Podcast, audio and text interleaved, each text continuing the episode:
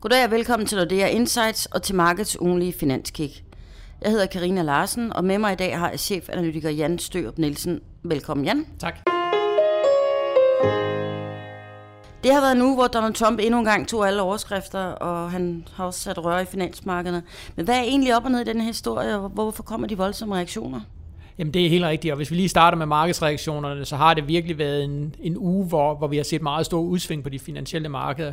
Vi har set hen over ugen, at, at aktierne virkelig har taget nogle tæsk. Øh, onsdag, det bare at tage de danske aktier, var jo nede med, med mere end 2%. Øh, det største fald, vi har set i, i lang, lang tid. Dollaren er blevet svækket, renterne er faldet. Så det har været en uge, hvor der har været meget store reaktioner på de, på de finansielle markeder. Og det er det sådan falder tilbage på, jamen det er jo den politiske usikkerhed, der har været omkring Trump. Alle de her historier, der kører med, øh, med han fyrede chefen for FBI, hvor meget, hvor meget er der i, i historien om, at han har, der har været nogle russiske forbindelser ind omkring valgkampen. Al den her, den her politiske usikkerhed er der, er vi på vej mod en rigsretssag. Alle de her ting, de, øh, de gør altså lidt ondt på de finansielle markeder, fordi det skaber usikkerhed. Mm-hmm. Så investorerne bliver nervøse. Ja. Men reaktionen skyldes vel ikke kun Trump? Nej, det gør det ikke. Altså, det er selvfølgelig nærlæggende at sige, at nu har vi den her usikkerhed omkring Trump, der er sket nogle ting, altså ligesom give ham al skylden for, mm. for de ting, der sker på de finansielle markeder. Men det er ikke helt tilfældet, fordi hvis vi kigger på amerikansk økonomi, så har nøgletallene derovre faktisk heller ikke været super imponerende her på det seneste. Uh, vi kan bare tage BNP-tal for, for første kvartal, altså en, en årlig vækstret på 0,7 procent i første kvartal er jo, er jo ikke på ingen måde imponerende. Bare til sammenligning, Europa voksede uh, med omkring 2 procent i første mm. kvartal. Uh, så, så nøgletallene fra USA har også været lidt, lidt skuffende. Vi mener stadigvæk, at meget af det skyldes, uh, skyldes nogle sæsonudsving, uh, så vi mener sådan set ikke, at der, der, der er tale om sådan en, en grundlæggende svækkelse af amerikansk økonomi, men nøgletallene tallene har været lidt til den svage side, mm. og det har, det har ligesom været med til at forstærke det her billede af en lidt svag økonomi, mere politisk usikkerhed. Øh, vi sælger USA fra, og det er blandt andet det, der gør, at, at vi har set den svækkelse af dollaren. Ja. Altså over, Så... ja, jeg vil bare lige sige over for danske kroner, altså vi er jo nede omkring de her 6,65 øh, en dollar koster nu i, i danske kroner, så vi, så vi har altså set en, en svækkelse af dollaren. Mm. Så en meget stor årsag, det er Trump. Hvad, øh, hvordan, hvad siger bettingfirmaerne? Er der en sandsynlighed for, at han må gå af, eller hvordan? Jamen ifølge dem, så er der jo helt bestemt, altså bettingfirmaerne, de, og så kan man altid diskutere, om man skal stole på dem, ja. men, men, øh, men de ligger altså lige nu og har øh, mere end 20% sandsynlighed for, at Trump allerede i, i år øh, bliver, bliver tvunget til, eller frivilligt forlader præsidentposten, så det er jo faktisk en, en temmelig høj mm. sandsynlighed. Øhm, vi, vi mener ikke, at, øh, at det kommer til at ske. Øhm, hvis man ligesom går videre med den her med, er der, er der sandsynlighed for, at han bliver stillet for en, øh, for en rigsret, jamen det, vi skal være opmærksom på, at det er en politisk proces, og det vil sige, at det skal være et flertal i kongressen, der ligesom skal bestemme og gå videre med den proces. Øh, og selv hvis det så, øh, man ligesom går ned ad den vej, jamen, så skal der også øh, to tredjedels flertal i senatet for ligesom at, at endelig fælde dom over Trump. Så, så det er en meget langstrakt proces, ja. øh, og vi mener altså ikke på nuværende tidspunkt, jamen der, der mener vi simpelthen ikke, der er grundlag for at, for at tro, at det er den vej, tingene går. Omvendt må vi også sige med Trump, med alt det, der er sket i amerikansk politik, altså, mm. altså vi er blevet overrasket før, ja. Øh, så, så det kan ikke udelukkes, men jeg vil sige 20% sandsynlighed for, at han ikke er præsident, når vi går ind i 2018. Det synes jeg, mm. det synes jeg er meget højt lige nu. Mm. Men han har jo heller ikke leveret noget af alt det, han lovede. Nej, og det er jo så nok det, det, det næste problem, fordi lige nu der er jo så rigtig meget fokus på, på alle de her sager, Rusland-forbindelser, alle de her ting, men når man kigger på økonomien, jamen så det, som også de finansielle markeder ligesom har, har reageret på, det har været udsigten til, at der kommer skat, ja, lige præcis, mm. der kommer skattelettelser, der kommer de her store infrastrukturprojekter. Og det er klart, jo mere ballade, der bliver omkring Trump og hans person, jamen jo sværere bliver det også at få gennemført de her ting, øh, fordi fokus er på noget helt andet. Øhm, så det er jo et eller andet sted nok, hvis man, hvis man kigger realøkonomisk på det, det er den allerstørste risiko, at de her ting, som øh, som Trump har lovet at gennemføre for amerikansk økonomi, at de bliver øh, ja, i bedste fald udskudt, eller mm. i værste fald øh, aldrig nogensinde bliver til noget. Mm. Øhm, så, så det er også noget af det, der er med til at skabe noget usikkerhed, og måske også noget af det, som er med til at svække nogle af de her nøgletal, vi får fra amerikansk økonomi. Ja. Inden vi springer ind næste uge, så er det jo ikke kun i USA, at præsidenten er kommet i ufør. Brasilien er også i investorernes søgelys i det her øjeblik. Ja, det må vi sige. Torsdag, der fik vi jo nyhederne øh, fra Brasilien om, at at den nuværende præsident, at han måske, måske ikke er involveret i den her korruptionsskandal, som jo også fældede hans forgænger. Ja. Øh, og der, vi så nogle meget, meget kraftige reaktioner på, på det brasilianske marked. Altså aktierne drættede med 10 procent, så suspenderede de handlen med, med brasilianske aktier. Valutaen øh, blev svækket med 7 procent over en enkelt dag. Altså så meget, meget kraftige reaktioner. mm. øh, på det brasilianske marked. På igen på den her politiske usikkerhed. Jamen er landet endnu en gang på vej ind i en, en ny politisk skandale, og øh, nu troede man lige, man havde fået en præsident, der, der ville lave nogle af de rigtige økonomiske ja. reformer. Hvis han så også ender med at blive enten sat for posten, eller bliver, eller bliver sovset ind i en lang politisk proces, jamen så er det så er det ikke særlig godt for brasiliansk økonomi. Omvendt kan man også sige, at det kan også være, at det bare er rygter, og der ikke er noget i det, jamen så er det klart, så, så kommer, så kommer vi de tilbage, både de brasilianske aktier og også valutaen. Men indtil nu, der, eller ind, lige nu, sådan, som tingene ser ud, så er der bare mega stor usikkerhed. Men har det nogen større effekt? Jeg tænker sådan mere på det brede internationale finansmarked. Hvad der sker i Brasilien lige nu? Ja, men både og. Uh, man kan sige, uh, altså fordi at de brasilianske aktier falder 10 procent, er jo ikke noget, der vælger, eller vælter sådan de, de globale aktiemarkeder. Omvendt må man sige, at Brasilien er jo en stor økonomi, ja. i, uh, og Brasilien har i nogle år virkelig hængt i bremsen, har haft svært ved at skabe økonomisk vækst.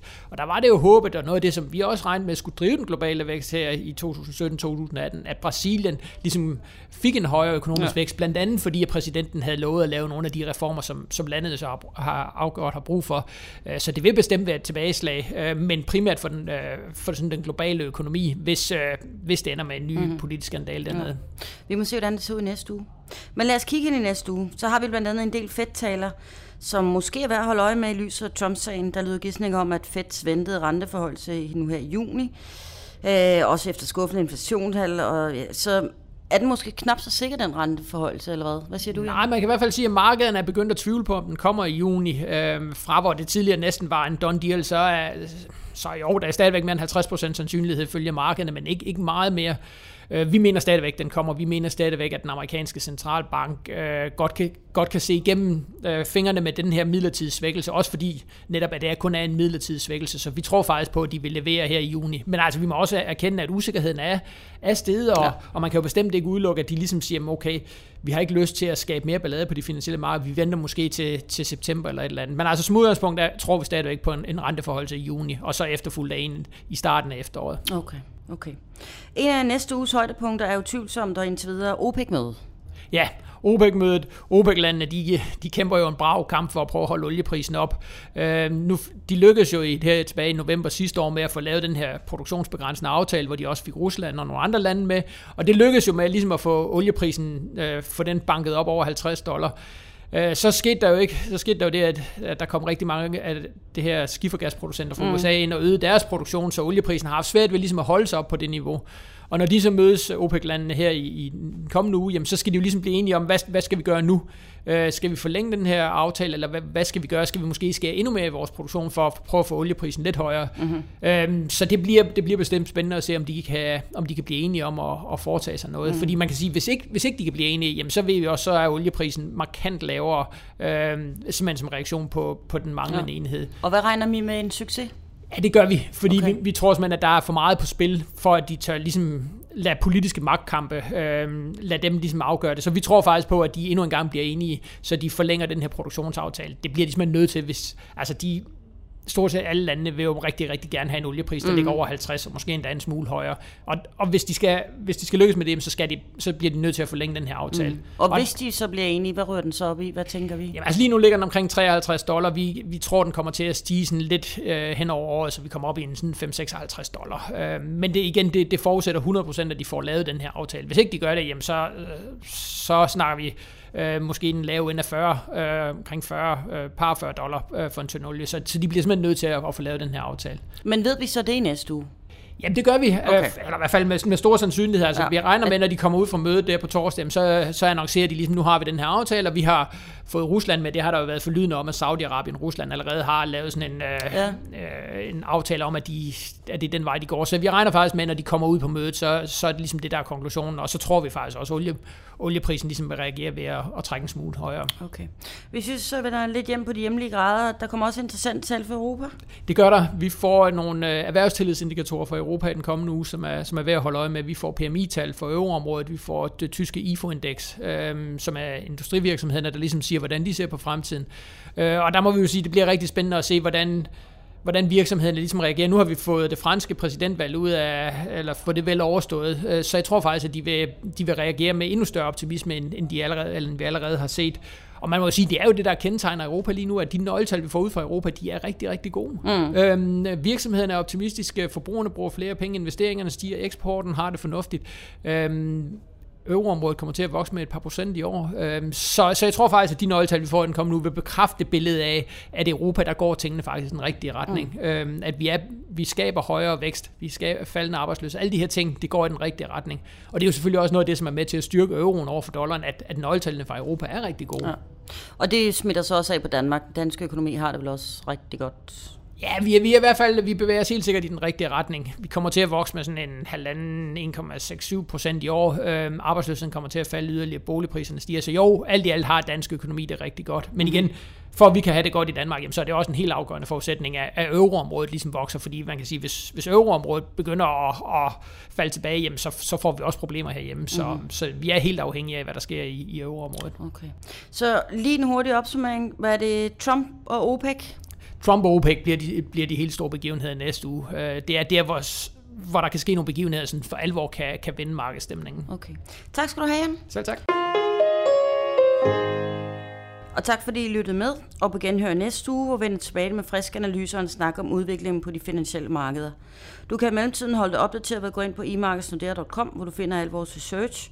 Så kan du høre eller genhøre vores podcast på insightsnoderemarkeds.com eller via iTunes. Og husk, at du kan abonnere på vores podcast, så du får dem med det samme. Og så kan du som altid også besøge os på LinkedIn og følge vores analytikere på iTunes og Twitter. Tak for denne gang, og på genhør.